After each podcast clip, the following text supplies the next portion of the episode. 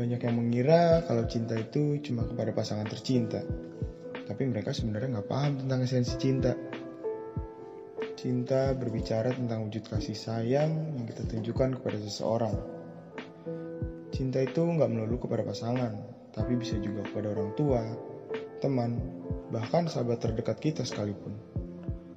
Banyak orang yang berpikir kalau dia nggak punya pasangan, berarti dia nggak bisa ngerasain cinta. Ya itu pemahaman yang keliru sih sebenarnya. Cinta bisa kita rasakan dan berikan melalui hal sekecil apa pun yang kita lakukan untuk orang lain. Misalnya kita pergi quality time sama orang tua kita, nongkrong sama sahabat, dan ya mungkin masih banyak lagi. Jadi untuk teman-teman di luar sana, tidak memiliki pasangan bukan berarti kalian tidak bisa merasakan cinta. Karena cinta adalah wujud nyata yang bisa kita lakukan pada orang-orang bahkan di sekitar kita.